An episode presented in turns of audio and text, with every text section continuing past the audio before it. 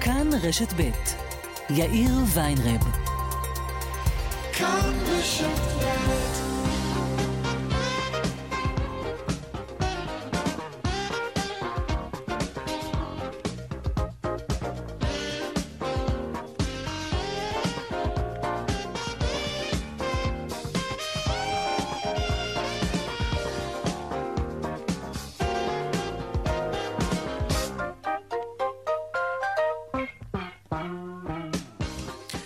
ארבע וכמעט שש דקות כאן צבע הכסף ברשת ב' יום רביעי, שלום רב לכם. העורך רונן פולק, בהפקה רונית גור אריה, טכנאית השידור שלנו היום היא נויה משיח. הדועל של צבע הכסף הוא כסף כרוכית כאן.org.il. אני יאיר ויינרב, מעכשיו עד חמש אנחנו מיד מתחילים.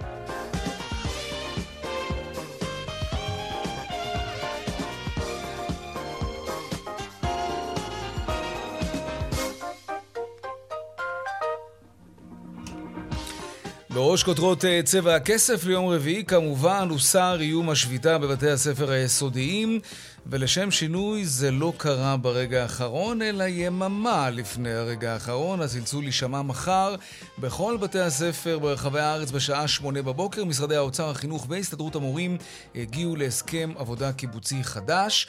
לגבי הלימודים בבתי הספר העל-יסודיים, איום השביתה של ארגון המורים עדיין בתוקף. עוד מעט אנחנו נתעדכן מה בדיוק קורה שם. בינתיים איגוד המטפלות במשפחתונים המפוקחים הודיע שהוא ישבית מחר את פתיחת שנת הלימודים בדרישה להעלות את שכרן של המטפלות, שכר שלא עודכן, כך הן מספרות, במשך יותר מ-13 שנים.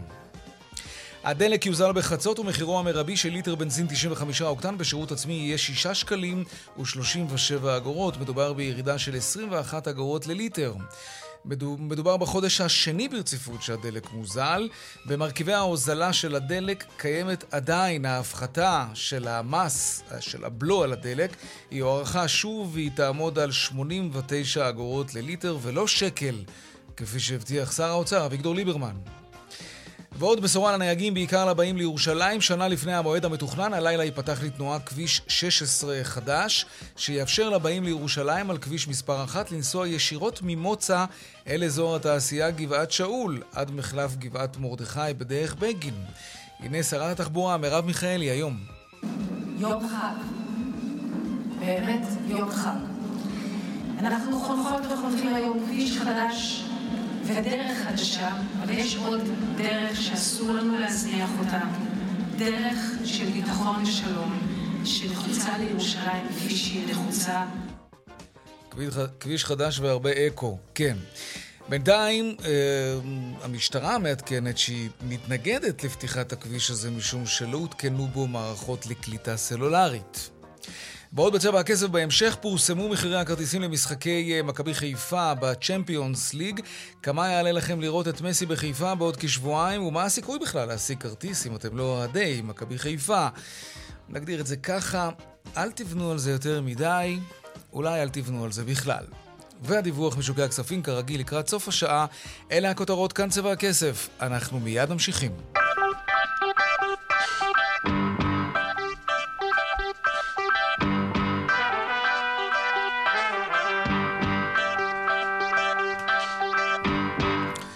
עוד לפני הכלכלה, לפני זמן קצר הותר לפרסום שמו של חייל צה"ל שנהרג הלילה בתאונת אימונים ברמת הגולן. אסף פוזיילוב, כתבנו, שלום. שלום, כן, סמל איתן פיכמן, בן 19 מבאר שבע. הוא uh, חייל, חייל השריון שנהרג הלילה בתאונת אימונים בצפון ברמת הגולן. כאשר הוא נפגע אה, קשה, קשה מאוד בראשו, ומותו נקבע בשטח. אה, ההודעה הנוראית הגיעה לבני משפחתו בשעה ארבע לפנות בוקר, אה, כאן אה, ברחוב אה, מרכזי בבאר שבע, אבל רחוב מאוד שקט. הגיעו לכאן חיילים, מסרו להם את הבשורה והם פשוט התפרצו בצרחות ובצעקות. משפחת פיכמן איבדה אה, בת לפני חמש שנים ממחלה, וזה בעצם הילד השני שהם מאבדים. אה, הם נותרו שני ההורים, זוג ההורים, עם בת נוספת, היא נשואה ואימא אה, לילדים, כעת נמצאים בביתם, אפילו מודעת אבל הם עדיין לא הספיקו להכין ולתלות כאן בכניסה לבית או בכניסה לבניין. הלוויה של איתן פיכמן, סמל, סמל השריון, תתקיים היום בעוד פחות משעתיים, בשעה שש, בבית העלמין בבאר שבע.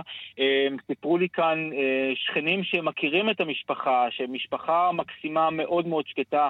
האבא הוא נהג מונית, האמא היא אחות אה, במחלקה הנוירולוגית בבית החולים סורוקה. מאוד אהובים, מאוד שקטים. ראו את איתן רק ביום חמישי כשהוא חזר מהצבא, ושוחחו איתו השכנים, אפילו אחד מהם ביקש ממנו סיוע במחשב שלו, והוא אמר, אין בעיה, אני אעזור לך כשאני אה, אשוב מהצבא. כאמור, לווייתו בשעה שש בעוד כשעה וחמישים כאן אה, בבאר שבע. בני המשפחה כרגע לא מעוניינים אה, לדבר. אה, צה"ל פתח בחקירה של המשטרה הצבאית, ובעצם הוקמה ועדה לנושא הזה. מפקד פיקוד הצפון, הוא קיים תחקיר ראשוני ומילה, מינה את אלוף משנה שאול ישראלי, מפקד חטיבה 205 בשריון, כדי לחקור את הנסיבות שהובילו למותו של איתן פיכמן, בן 19 בלבד, תמ"ל, חייל הנער, חייל השריון, סליחה, מבאר שבע, שהלילה נקבע מותו לאחר שנפגע בתאונת אימונים. אסף פוזרלוב, תודה. כלכלה עכשיו. זהו, אין שביתה. הכותרת הראשית שלנו הקיץ הזה מסתיימת בהפי אנד, כמעט ברגע האחרון. המורים והאוצר הגיעו להסכם בשעה טובה ומוצלחת. עם המורים בתיכון עדיין לא ברור בדיוק מה קורה.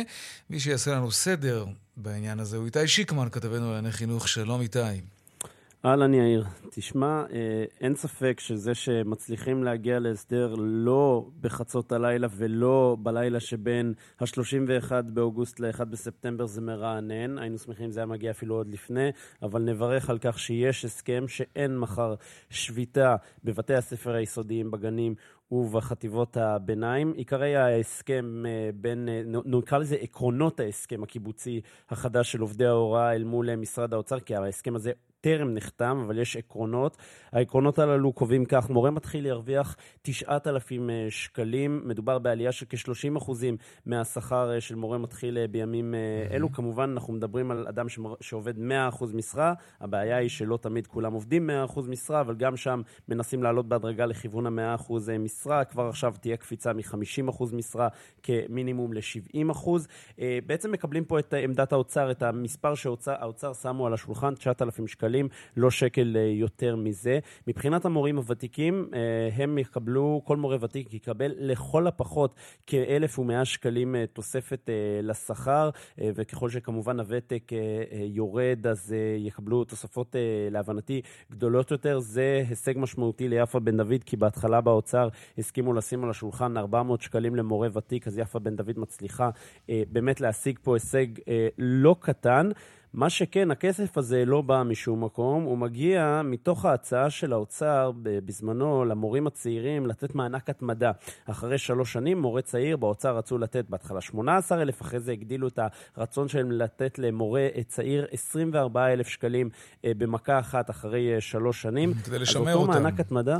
כן. מה אתה אומר? כדי לשמר אותם. כדי שלא... נכון, כדי לשמר אותם. אז אותו מענק התמדה מצטמצם לסכום, אה, לא יודע אם אפשר להגיד לו זעום, אבל הרבה יותר מצחיק מ-24,000 שקלים. סך הכל 10,000 שקלים בלבד אחרי שלוש שנים. וההפרש הולך למורים הוותיקים. הכסף הזה הולך למורים הוותיקים, בין היתר, כן. אה, בואו רגע נעשה עצירה, נשמע דברים שאומר אה, קובי בר נתן, הממונה על השכר באוצר. הנה. הגענו היום להסכם פורץ דרך עבור מערכת החינוך.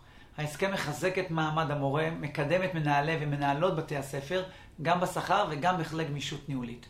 מעבר לזה, ההסכם מקדם מצוינות על ידי סל גמולי תפקיד והעסקה על ידי חוזים אישיים, ומשדרג את השכר של כלל המורים. ההסכם מקדם את התאמת ימי החופשה במשק, ובנוסף שורה של נושאים שישפרו את איכות החינוך בישראל.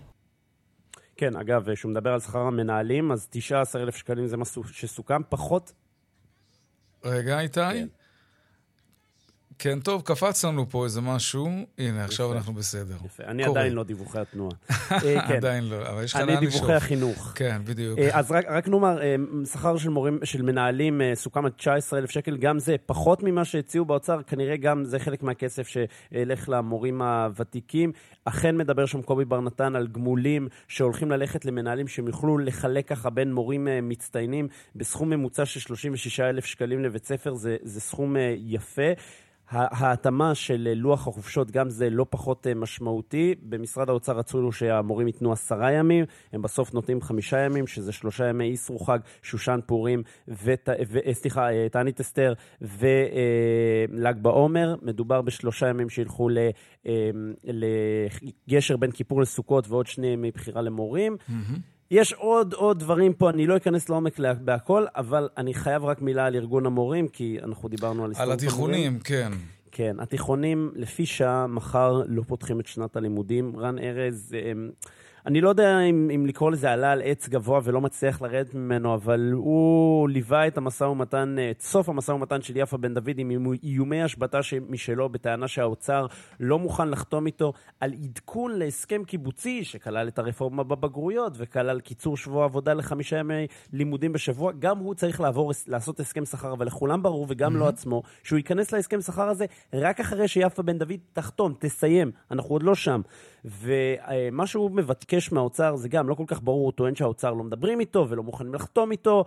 כל מיני טענות קצת מוזרות. בסופו mm-hmm. של דבר, כן. השורה התחתונה היא שלפי שהרן ארז מתכוון להשבית את שנת הלימודים מחר בתיכונים, אני יכול רק לשער שכרגע עובדים על זה אה, אה, ומנסים למנוע את זה ב- mm-hmm. באוצר ובשלטון המקומי. Okay. אוקיי. אם לא, יש סיכוי שהאוצר יצטרך לבקש צווי מניעה לארגון המורים. איתי שיקמן, תודה רבה.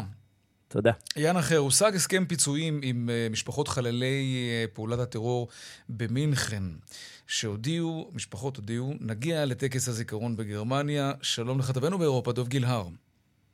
שלום, אה, יאיר. כן, סכסוך כן, ארוך שנים כתב... שהגיע סוף סוף לפתרון, כן.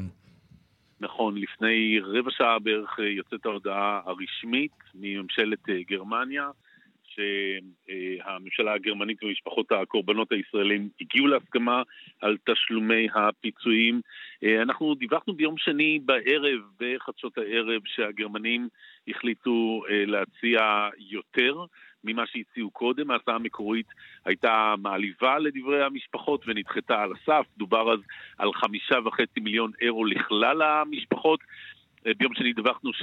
אה, הממשלה הגרמנית הצליחה, הגיעה אה, לתקציב גדול יותר ותגיש אותו למשפחות. והם עדיין לא האמינו שהמשפחות יסכימו, הם היו די אה, פסימיים לגבי זה. היה ספק, אני לא כן. יודע להגיד באיזה שלב הסכום גדל פי חמישה. ובהתחלה היה אמור לגדול פי שניים בלבד, עד כמה שאנחנו אה, אה, ידענו. כן. זאת אומרת, מחמישה וחצי ל-11-12 מיליון, אבל למישהו כנראה בצמרת הגרמנית נפל האסימון שחייבים לסיים את המשבר ארוך השנים הזה, בין 50 שנה, וזו שעת הכושר האחרונה אה, והיחידה אולי לסיים את העניין, ואז נפתחו הלבבות ונפתחו גם התקציבים, mm-hmm. והסכום שמדברים עליו אה, עכשיו, שנחתם בין המשפחות לבין השאלה הגרמנית, עומד על 28 מיליון אירו, פי חמישה מהסכום הראשוני. זה יחולק, 22 וחצי מהם תישא הממשלה הפדרלית, מדינת בוואריה, ששם התרחשו המשחקים האולימפיים, חמישה מיליון אירו, והעיר מינכן, אה, שבה התרחש האירוע, מתקציבה אה, תתרום חצי מיליון אירו. אה, רק, רק כדי להסביר, יש לנו יותר מ-11 אלמנות בסיפור הזה, יש גם את היתומים, השאירים, סך הכל זה מספר שמגיע קרוב ל-30 אלמנות ויתומים. 50 שנה ילדים כמובן גדלו בלי, אה, בלי אב המשפחה. כן. אה, היה ברור שצריך להיות סכום משמעותי, וזה בממוצע פחות או יותר יוצא משהו כמו מיליון אירו לשער.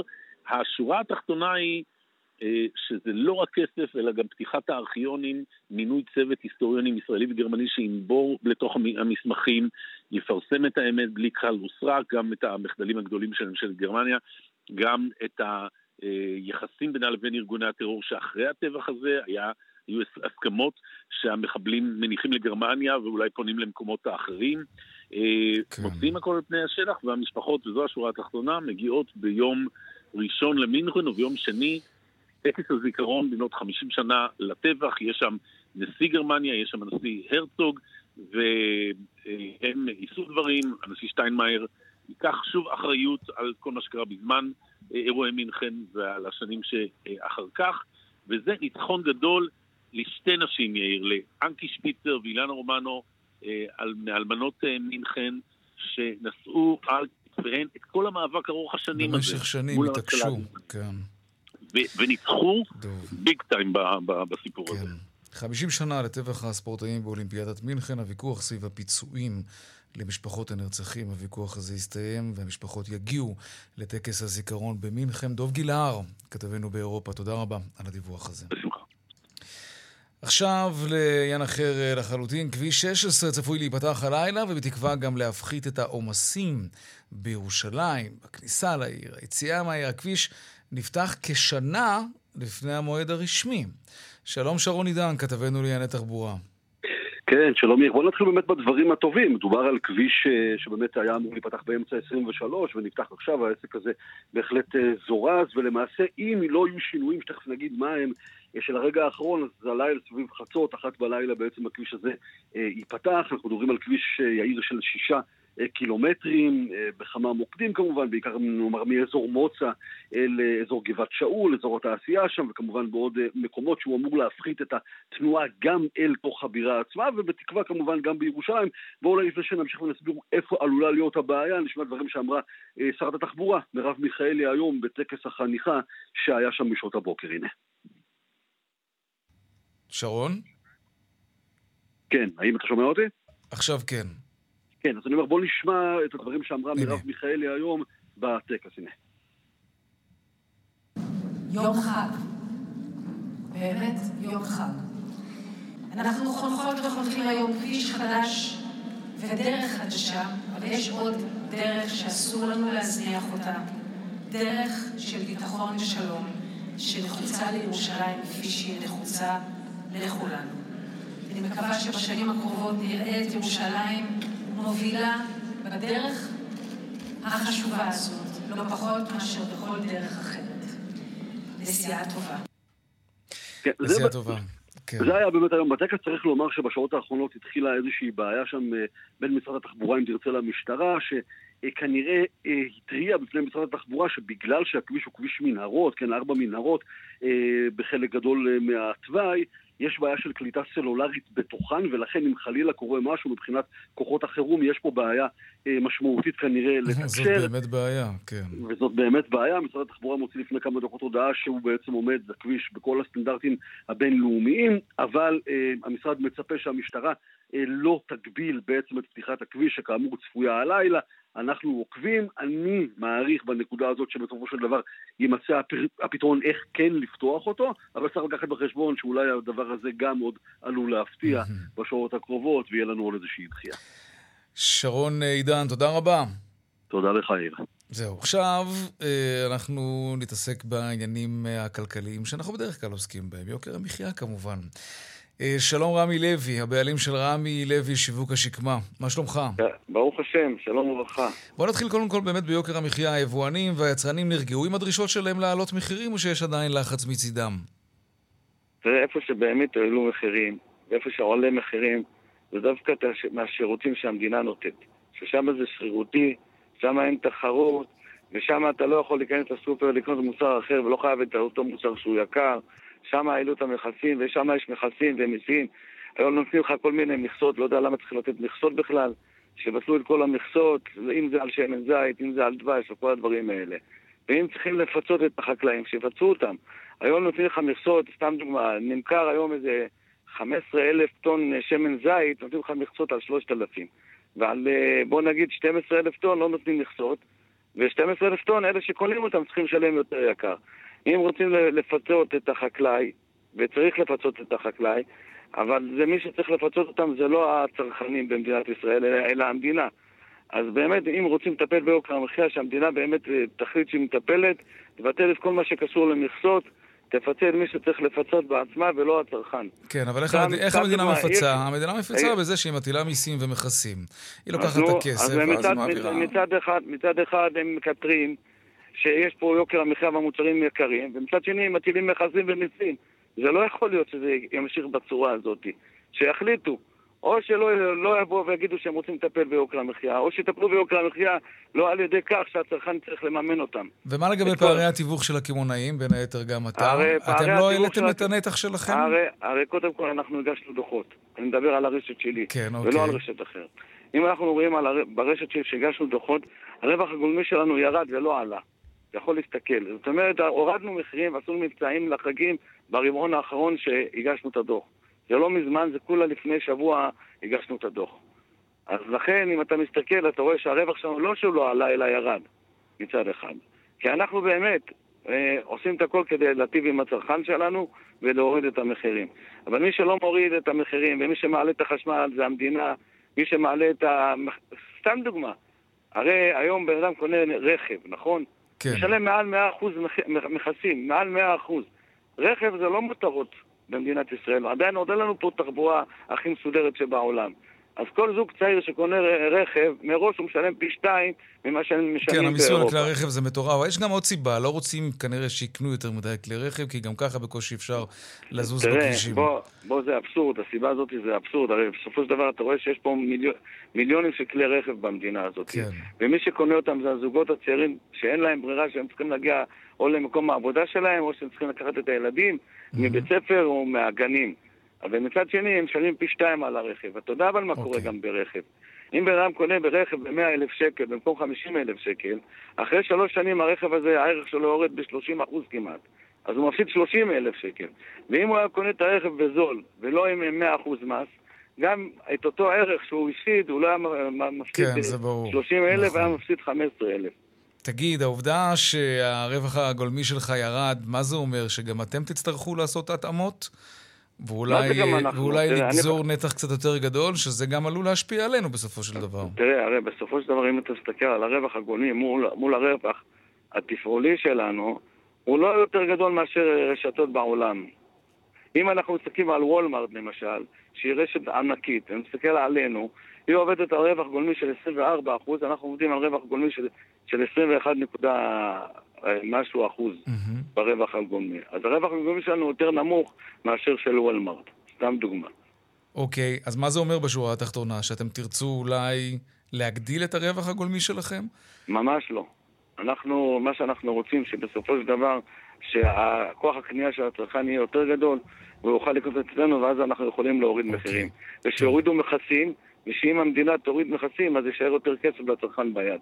טוב, בוא נדבר קצת על דיפלומט. מהנתונים של סטורנקסט, אה, יש ירידה אה, במכירות של דיפלומט, למרות שבדיווח שלהם לבורסה, נדמה לי בשבוע שעבר, הם אמרו שהם לא חווים פגיעה מהותית. איך זה נראה אצלך בסניפים? תראה, אני רוצה להגיד לך משהו. תמיד אני אומר שהכוח הוא בידיים של הצרכן. מדובר פה על טונה סטארקיסט. עכשיו, אם נניח, סתם דוגמא, טונה סטארקיסט מוכרים אותו יותר יקר מאשר טונה אחר, או טונה של המותג הפרטי, הנה פה נתתי לך את הדוגמה שהצרכן הכוח בידיים שלו והוא יכול להוזיל את הסל שלו. איפה, שאין, איפה שיש תחרות וזה בסקטור העסקי הפרטי. זאת אומרת שהצרכן, אם פעם קנה את אותו מוצר יקר, וזה נראה לו שזה יקר, אבל יש גיוון רחב על המדף, הוא יכול לקנות טונה אחרת. סך הכל, בוא נגיד, בוא נגיד, הגיוון של הטונה, בסך הכל, בוא נגיד, כל, כל סוגי הטונה, אם אתה משכלל את זה, לא ירד מבחינה כמותית. אולי כספית הוא ירד כי הוא יותר זול. המחיר של ה... אבל קונים פחות סטארקס? של הטונה שהיה מקבילה. אני לא, לא בדקתי את זה, אבל אם אתה אומר, כנראה שמישהו בדק את זה. אני לא בדקתי את זה אצלי. Mm-hmm. אבל מה שכן אנחנו רואים, שהמותג הפרטי שלנו צמח בעשרות אחוזים באותה תקופה. אה, אוקיי. טוב, אז, אז יכול מאוד להיות שבאמת הציבור קנה אלטרנטיבות אחרות. מה לגבי סאנפרוסט? מה קורה עם מוצרי החברה? בכלל תנובה באופן כללי. תגיד, הציבור מגיב לזה? נרתע מהמוצרים של אה, סאנפרוסט ותנובה? תראה, מה שאנחנו קוראים דבר, רואים דבר אחד, שברגע שהצרכן, בוא נפגע ממשהו, הוא עובר למותג אחר. ותמיד אני אמרתי שהצרכן, כל דבר, זה לאו דווקא אם זה מה שקרה לתנובה, במקרה שקרה לתנובה.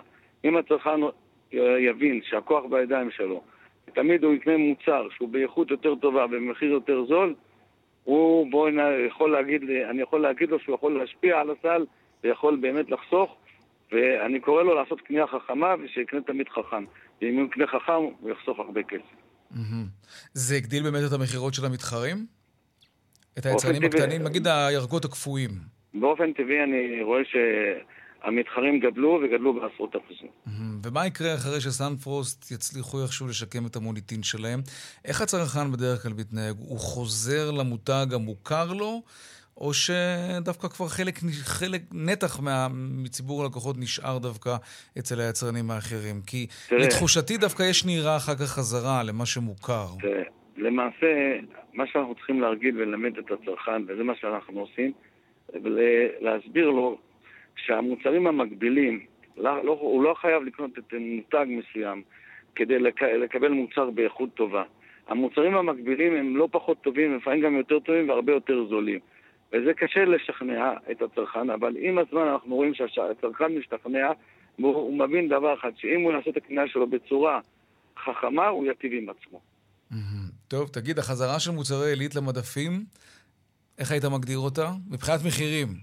מבחינת מחירים אני מקווה שעילית יעשו מבצעים מעמיקים, כדי שהצרכן אה, אה, יקנה את המוצר שלו. מי נכנס לוואקום הזה, אגב? אה, כל סוגי השוקולד של כל מיני חברות, בסופו של דבר, אם אנחנו רואים את הקטגוריה הזאת, הקטגוריה הזאת היא לא ירדה. דווקא היא עלתה, כי היו מוצרים אחרים, ואני מאמין שאם עילית תיכנס, אה, אנחנו נראה שבאמת חלק... יצטרכו לכבוש מחדש. אה, כן. אני לא יודע אם לכבוש, כדי לכבוש הוא יצטרך לעשות מבצעים מעמיקים ולהוריד מחיר. טוב. השבוע הודעת על כניסה לענף הביטוח, אז גם מזון, גם תעופה ותקשורת, עכשיו ביטוח. יש עוד תחומים שאתה חותר אליהם, תגיד, רמי? תראה, בכל מה שאני יכול לייצר סינרגיה ולהטיב עם הלקוח שלי בכרטיס המועדון שלנו, אנחנו נהיה שם. רמי לוי, הבעלים של אה, שיווק השקמה, תודה רבה. תודה רבה גם לך ולכל המאזינים. דיווחי תנועה עכשיו.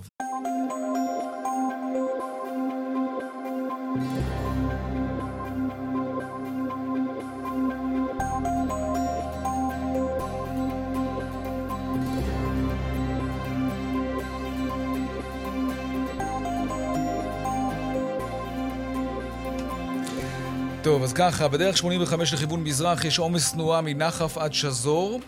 בדרך 6 צפונה עמוס מנשרים עד בן שמן, ובהמשך מנחשונים עד אייל. באיילון צפונה עמוס ממחלף לגוארדיה עד השלום, ודרומה מרוקח עד לגוארדיה. עדכוני תנועה נוספים בכאן מוקד התנועה, כוכבי 9550 בטלמסר שלנו, וגם באתר של כאן וביישומון של כאן. אנחנו ממשיכים לעסוק בריבית על הפלוס שלנו. אנחנו עוקבים מקרוב אה, מאז שהריבית עלתה כדי לראות ולוודא שהבנקים לא יעלו את הריבית רק על ההלוואות והמשכנתאות, אלא גם על הפקדונות והחסכונות, למשל, על הפלוסים שלנו. והלחץ הזה כנראה עוזר, אה, או מזיז משהו. דנה ארקצי, כתבתנו לענייני כלכלה, שלום.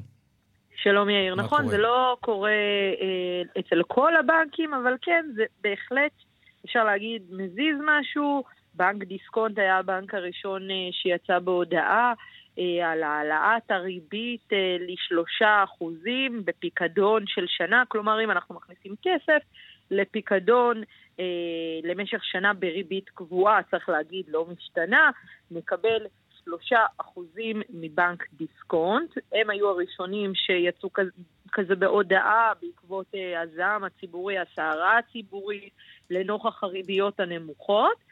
ואחריהם גם מגיע, מגיע בנק מזרחי טפחות, שהיום אה, אומר, הבנקים מפנימים את הביקורת הציבורית וממשיכים להעלות את הריביות על הפקדומות, והבוקר אה, יוצא מזרחי טפחות עם הצעה לפיקדון חדש, שהריבית בו מגיעה עד לשלושה אחוזים ושתי mm. עשיריות אה, האחוז, אבל מדובר בפיקדון לארבע שנים, זאת אומרת, אנחנו לא כזה מהר נראה mm-hmm. את השלושה אחוזים. תסגרו, אה, תקבלו.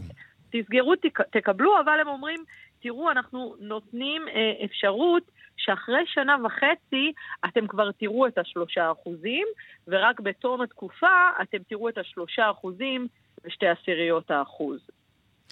דנה אגרצי. כן, יש פה איזושהי כן. בשורה, אבל אתם יודעים, היא לא... לאט היא לאט. בשורה שצריך עדיין לבדוק אותה, ואתה יודע, גם לחכות. בכל זאת, מדובר בריבית קבועה. אם בנק ישראל יעלה שוב ברור. את הריבית, אז אה, אתה יודע, אנחנו לא נקבל את זה בפיקדון. דנה ארקצי, כתבתנו הכלכלית, תודה רבה. תודה. ושלום יאיר קפלן, מנכ"ל בנק ירושלים. שלום יאיר. דורקתם אה, ראשונים, או בין הראשונים, כבנק שהעלה ריבית על הפקדונות של הציבור, אז קודם כל שאפו, אה, זה לא קרה בכל הבנקים. אבל יש עדיין שאלה ביקורתית שהציבור שואל את עצמו, למה יש כזה פער גדול בין הריבית על החובה ובין הריבית על הזכות? טוב, זה אתה יודע, זה דרך הפעולה של בנק הוא שהוא מתווך בין מקורות לשימושים. זה ברור, צריך להיות פער. מגייס, כן, אז חייב להיות פער, וכל כן. בנק אה, קובע את הפער בהתאם אה, לצרכים שלו, בהתאם לניהול הנזילות שלו ובהתאם לניהול הסיכונים. אז uh, צריך לרתק הון, ויש צורכי נזילות, ויש uh, רגולציה, ויש uh, עלויות מסוימות, וכל בנק uh, צריך לעשות את החשבון שלו. Uh, כמו שאתה ציינת, אנחנו לאורך שנים מקפידים להיות אטרקטיביים ולתת את המקסימום שאנחנו יכולים uh, ללקוחות שלנו. השבתם לפנייה של המפקח על הבנקים ושל יושב ראש ועדת הכספים, שקראו uh, לכל הבנקים, בין היתר כמובן, גם אתם, להיות קצת יותר נדיבים בריבית שאתם נותנים על הפקדונות של הציבור? אז, אז קודם כל, אה, אני ראיתי את הפנייה, אבל שוב, אני חייב לציין, אנחנו לאורך שנים מובילים את טבלת הריביות, והפער אה, אה, בינינו לבין המערכת תמיד היה לטובתנו, ואני חושב שבאופן כללי שיח ציבורי ער הוא דבר חיובי, וכל לקוח צריך לעשות את הסקר שוק שלו, כמו שהוא בוחן רכישה של מוצר יקר, אז הוא עושה סקר שוק, אז אותו דבר גם בפקדונות. אני mm-hmm. בטוח שמי שיעשה את הסקר שוק ימצא שאנחנו אטרקטיביים. תגיד, גם, 아... אה, לפני, גם לפני הפנייה. רפורמת המעבר בין בנק לבנק, רפורמת המעבר בקליק נדמה לי קוראים mm-hmm. לזה. אה, אתם נתקלים בסיטואציה הזאת שלקוחות באים ואומרים, תקשיבו, נותנים לנו שם יותר, ואנחנו רוצים לעזוב בקליק. זה קורה? אז תראה, האמת שמה שמיוחד בבנק ירושלים, אני חושב להבדיל אה, טיפה מבנקים אחרים, שאנחנו בנק שנותן אה, בנקאות משלימה. בנק ירושלים פונה ללקוחות של כל הבנקים. אני לא מחייב לקוח אה, שרוצה פיקדון לפתוח אצלי חשבון עו"ש. Mm-hmm. אנחנו מעניקים אה, מה שנקרא פיקדונות במערכת סגורה. כלומר, כל לקוח של כל בנק יכול לפתוח אצלנו פיקדון בכמה דקות דרך האינטרנט ולקבל אה, חשבון פיקדון ללא צורך בפתיחת חשבון עו"ש. זה דבר שהוא שונה לגמרי מהמערכת הבנקאית. אוקיי, okay, ולקבל בעצם הצעה, מה, מה אתם מוכנים לתת על הכסף שהוא, שהוא יפקיד אצלכם בפיקדון הזה. וצריך גם לזכור נכון. שזה גם אחרי הכל אינטרס שלכם למשוך לקוחות להזרים כסף לבנקים, להיות אה, אחרי הרבה מאוד שנים של ריבית אפסית, להיות אלטרנטיבה מפתה לכסף פנוי שיש אה, לציבור. אגב, אתם מבחינים בתנועה של כסף משוק ההון אל הבנקים בעקבות העלאת הריבית, ואולי גם הרתיעה משוק ההון, מהבורסה, מהתנודתיות שם בזמן האחרון? אז האמת שאצלנו, אה, כן, כלומר, חד משמעית יש אצלנו נהירה של לקוחות, אני חושב ש... אה, אפשר לראות אה, באופן מובהק אצלנו שהפקדונות עלו ב-9.4% מתחילת השנה, mm. ממש לאחרונה פר, אה, פרסמנו דוחות כספיים, שזה גם יותר מהמערכת. ו... והבוסט היה בחודשים האחרונים מאז שהריבית התחילה לעלות? כן, כן, אנחנו mm. רואים גידול אחד מאפריל. למעשה אה, בצבירת הפקדונות, בהחלט. אוקיי. Okay. עניין אחר שבנק ישראל מוטרד ממנו זה עניין העמלות. הם uh, הוציאו, נדמה לי, הודעה לפני איזה שלושה שבועות שהם חוששים שאתם, הבנקאים, עלולים להתחיל להשתולל שוב, כמו שהיה פעם, בזמן. קרה משהו? מה, מה, מה קרה לבנק ישראל שהוא שוקל עכשיו אפילו להרחיב את הפיקוח על העמלות? שאנחנו פחות אה, בתחום הזה, אנחנו לא גובים עמלות אה, בכלל, הרי מי שפותח אצלנו חשבון הוא פיקדון, אז הוא מקבל את הריבית, אני לא מחייב אותו על חשבון עו"ש, ולכן הוא, אני גם לא גובה לא, עמלות. לא, אבל, אבל נגיד ההפקדה ומשיכה של מזומן, אין עמלות בבנק שלכם? אין, שוב, אני אומר, אנחנו בנק שהוא לא בנק עושי. מי שמחזיק אצלי חשבון עו"ש, ויש כאלה, לו... כן. כן, בוודאי. הוא מפקיד כסף, כן, מושך כסף. שוב, רוב, רוב, רוב ה... רוב הלקוחות שמפקידים אצלנו פקדונות הם דווקא לא לקוחות הבנק, לא, עזוב את אלה שמפקידים פקדונות, אני מדבר על הלקוחות שלכם שמחזיקים חשבון עובר ושב. ומפקידים כסף, או מושכים כסף, אה, או, או נותנים העברה, מבצעים העברה בנקאית, או מפיקים תדפיסים, אלה בדיוק אני, הפעולות אני שבנק ישראל מדבר עליהן. אני חושב שאם תעשה השוואה גם בתחום כן. הזה בינינו לבין שאר הבנקים, אנחנו הבנקים הנמוכים ביותר במערכת בעמלות עו"ש.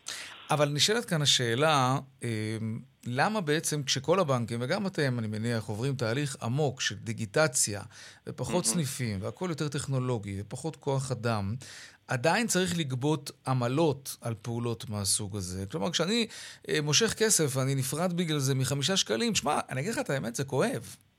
אני אומר לעצמי, למה? זה כסף שלי, אני בסך הכל רוצה או להפקיד אותו או למשוך אותו, או להדפיס תדפיס. אה, ב... למה בכלל יש עמלות על הדברים האלה? אז בגלל, שוב, אני אומר, אני בהחלט מתכוון להיות אטרקטיבי גם בעמלות וגם בריביות. יש עמלות שצריכים לגבות כי בסוף אני כן צריך, אה, כמו כל בנק, צריך לכסות את העלויות, אבל אם אני יכול למשוך אה, אה, לקוחות אליי ולא לחייב אותם לפתוח אצלי חשבון, אז אתה מבין שאני לא גובה עמלות על רוב המוצרים שלי, גם האשראי שלי שאני נותן הוא אשראי שהוא במהותו לא, לאו דווקא ללקוחות הבנק, אלא ללקוחות כל הבנקים, וגם הפקדונות שאני מעניק, אני מעניק לאו דווקא ללקוחות הבנק, אלא ללקוחות כל הבנקים.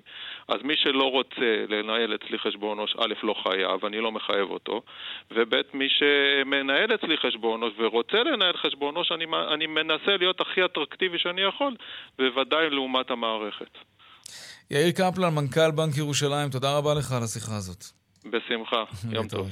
עוד קצת דיווחי תנועה. בדרך החוף לכיוון צפון יש עומס מחוף השרון עד נתניה, בדרך חמש מזרחה יש אה, עומס אה, מגלילות עד מחלף ירקון. בגאה הצפון העמוס ממחלף השבעה עד גבעת שמואל ודרומה מגאה עד מסובים. בדרך שש צפון העמוס ממחלף נשרים עד בן שמן ובהמשך מנחשונים עד אייל.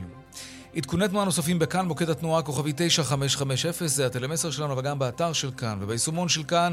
הפסקת פרסומות קצרה ומיד אנחנו חוזרים עם עוד צבע הכסף, מדבר על הרפורמה ביבוא מוצרי חשמל.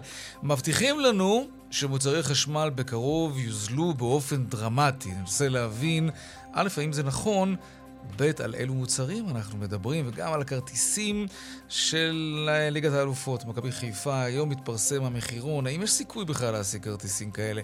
והדיווח בשוקי הכספים כמובן, לקראת סוף התוכנית. מיד חוזרים. וכאן גם צבע הכסף, 4 ועוד 44 אה, דקות. עכשיו לרפורמה ביבוא מוצרי חשמל.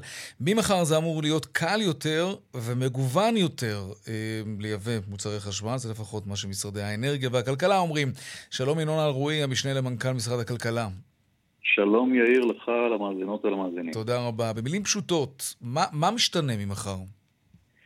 מה, שמשתנה, מה שישתנה ממחר זה הדרך והתחנות שבהם אה, יבואנים של אה, מוצרי אה, חשמל יצטרכו לעבור בכניסה לשוק עם מוצרים כאלה.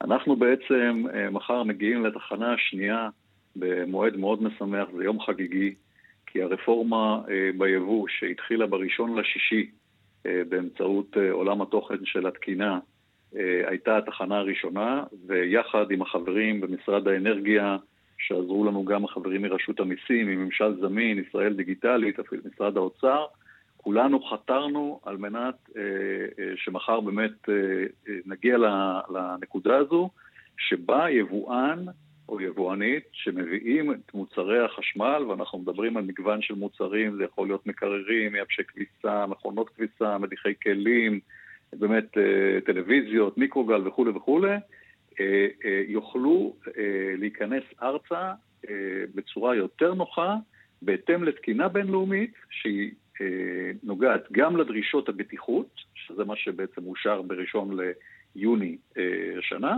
וגם בהיבט של הנצילות האנרגטית. היבואן, היבואנית, יצטרכו להצהיר על עמידה בתנאי תקן בינלאומיים גם בנושא של הבטיחות וגם בנושא של דרישות הנצילות האנרגטית. אתם מייצרים בעצם את מכון התקנים הישראלי, שמה, שהיה תוקע עד עכשיו את הסחורה, וקצב ההגעה של המוצרים למדפים היה איטי יותר? מה, בגלל מכון התקנים אני, הישראלי? אני אשתמש בשפה אחרת. קודם כל חשוב מאוד שכולם ידעו שלא רק מכון הייצוא, התקנים, סליחה, גם מכון הייצוא מכון חשוב. לא כן. לא רק מכון התקנים הוא המעבדה אה, שמוסמכת, היחידה שמוסמכת אה, אה, לבדוק עמידות, עמידה ב, ב, בדרישות הבטיחות והנצילות האנרגטית, יש עוד מעבדות נוספות. אנחנו בעצם מפחיתים את הרגולציה. במקום שאתה תצטרך לבוא ולעשות בדיקות ספציפיות למוצרים, על קבוצה גדולה מאוד של מוצרים, אני מזכיר עוד שיחות שהיו קודם לגבי הנושא של הבטיחות, הרבה מאוד מוצרים, 80% מהטובין שמגיעים למדינת ישראל וכפופים לעמידה בתקן רשמי נמצאים היום במסלולים שלא כוללים בדיקות יבוא. זו, זו בשורה אה, מאוד חשובה, וכרגע בעצם מצטרפים מוצרי חשמל בהיבט של ההתייעלות, האנרג... הניצול האנרגטי. אנחנו מדברים על ערך יבוא של מוצרים שנאמד בכשניים וחצי מיליארד שקל.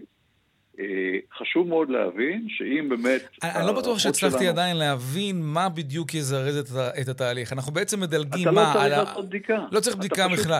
אבל אם אוקיי, אבל, אבל, אבל תראה, בדיקה. הבדיקות האלה אולי באמת עיכבו, וזה ייקר את התהליך וכולי, mm-hmm. אבל אף אחד לא רוצה ש... אתה יודע, אנחנו רואים מה קורה עם קורקינטים חשמליים למשל, כן? אף אחד לא רוצה שמקרר יתפוצץ לו בבית או משהו כזה. כלומר, למה שאנחנו נרגיש בטוחים עם המוצרים האלה, אם, אם מדובר רק בהצהרה של היבואן? קודם כל, אה, חשוב מאוד שאתה מציף את העניין הזה, כי, לפעמים, כי רוב הפעמים באים אלינו בטענה הפוכה. אומרים לנו, למה אתם מקשים? למה אתם מפריעים לשוק לעבוד? למה אי אפשר להכניס לכאן דברים שנכנסים למקומות אחרים? אוקיי, והפעם? עכשיו העלית את הסוגיה הזו. הפעם, כמו, כמו שאר הכלים והמדיניות שלנו בהיבט של הרפורמה, אנחנו מנסים לאזן בין הדברים. ואנחנו באים ואומרים שאם היבואן יכול להראות לנו תעודות בדיקה או תעודות שמציגות את הנצילות האנרגטית. כלומר, אם זה עומד בתקן האירופי, זה אמור להספיק גם לאזרח הישראלי. ואם יש לו, אוקיי, אבל יש בזה צריך, היגיון. הם צריכים, שנייה, בשביל כן. שאתה תהיה רגוע, אנחנו דורשים מהיבואנים, או שיציגו לנו, זה תלוי באיזה מסלול הם נכנסים, או כן. שיהיה להם תיק. כלומר, כשאתה תחליט מסיבה כלשהי שאתה רואה שיש סיכון יותר גבוה במקררים, סתם לצורך הדוגמה, שיבואני המקררים לא ייבהלו עכשיו, אבל נגיד שאתה מבין שמתחילים להיות, אה, אה, מתחילות להיות איזושהי בעיות בטיחותיות עם המקררים, ואתה רוצה עכשיו okay. אוקיי. לוודא שכל המקררים שנכנסו למדינת ישראל בטוחים. איך אתה אנחנו... אתה פונה ליבואנים, כן, ואומר okay. אוקיי. להם, תראו לי לא, את לא, אבל ברגע, ברגע שמדובר בתקינה בינלאומית אה, מאושרת, וכמובן לא מדובר במסמכים מזויפים כמובן, 100%. Mm-hmm. אם, אם זו תקינה בינלאומית, אירופית או אמריקאית, בסדר. זה, זה יכול לספק אותי כצרכן לפחות, אני מניח שגם הרבה מאוד אנשים אחרים. איך אנחנו יכולים לוודא אבל... ש... שההוזלה הזאת, שקיצור התהליכים, איך זה יתגלגל אלינו, לכיס שלנו, כי משום מה יש לי תחושה שזה לא יבוא לידי ביטוי. תראה, אה, אני חושב שפה זו אה, משימה משותפת של כולנו, שלנו כממשלה, שלכם כתקשורת, ושלי ושלך כצרכנים. אה, להיות ערים לשינויים שקורים, להיות אה, אה, קשובים למה שקורה ולדרוש את הזכויות שלנו וגם לעקוב.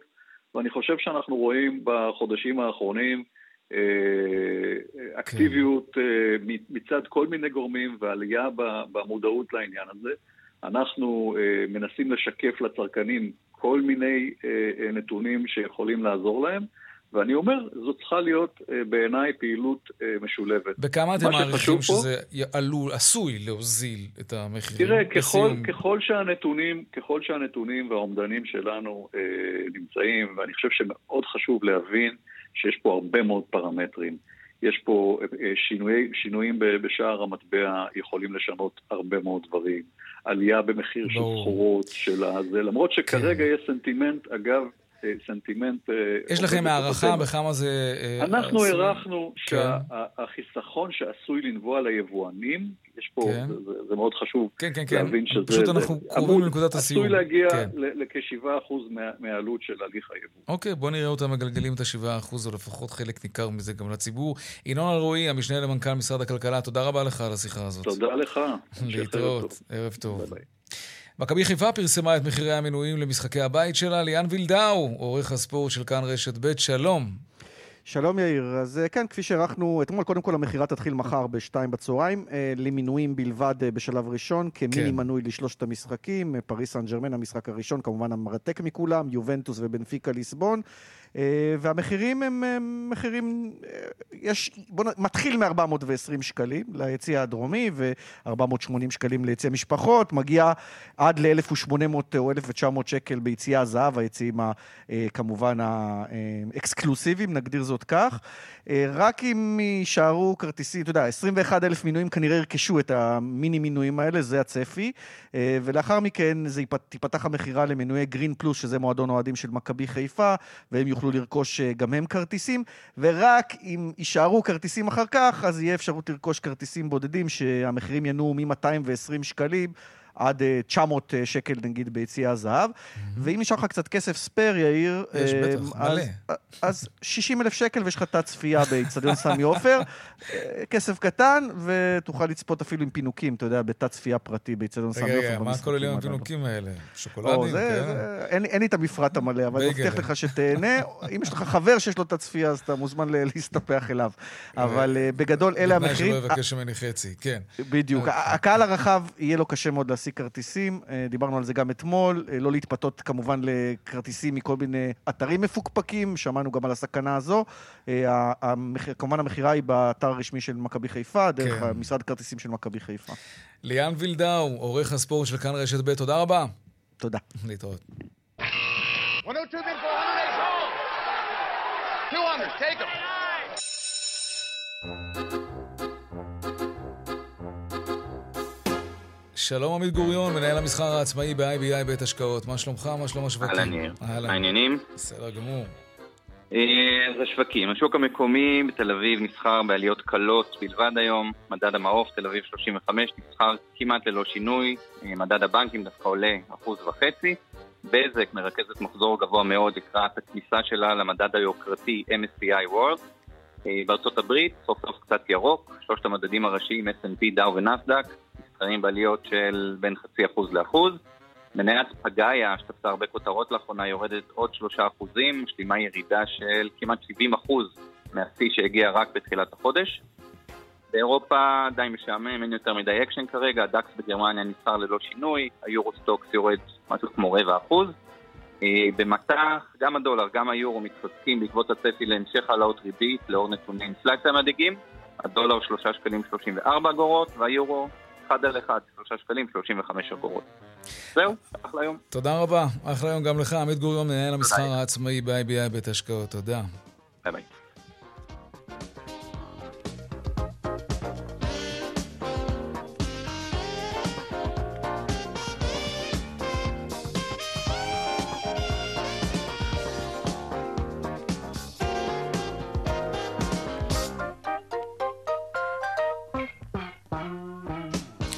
עד כאן צבע הכסף ליום רביעי, העורך רונן פולק, בהפקה רונית גור אריאט, טכנאית השידור שלנו נועה המשיח, ומוקד התנועה חגית אלחייני. הדועל שלנו הוא כסף, כרוכית, כאן.org.il, מיד אחרינו בנימיני וגואטה, אני יאיר ויינר, משתמע כאן שוב ביום ראשון, בארבעה אחר הצהריים, ערב טוב ושקט, שיהיה לנו סוף שבוע טוב. שלום שלום.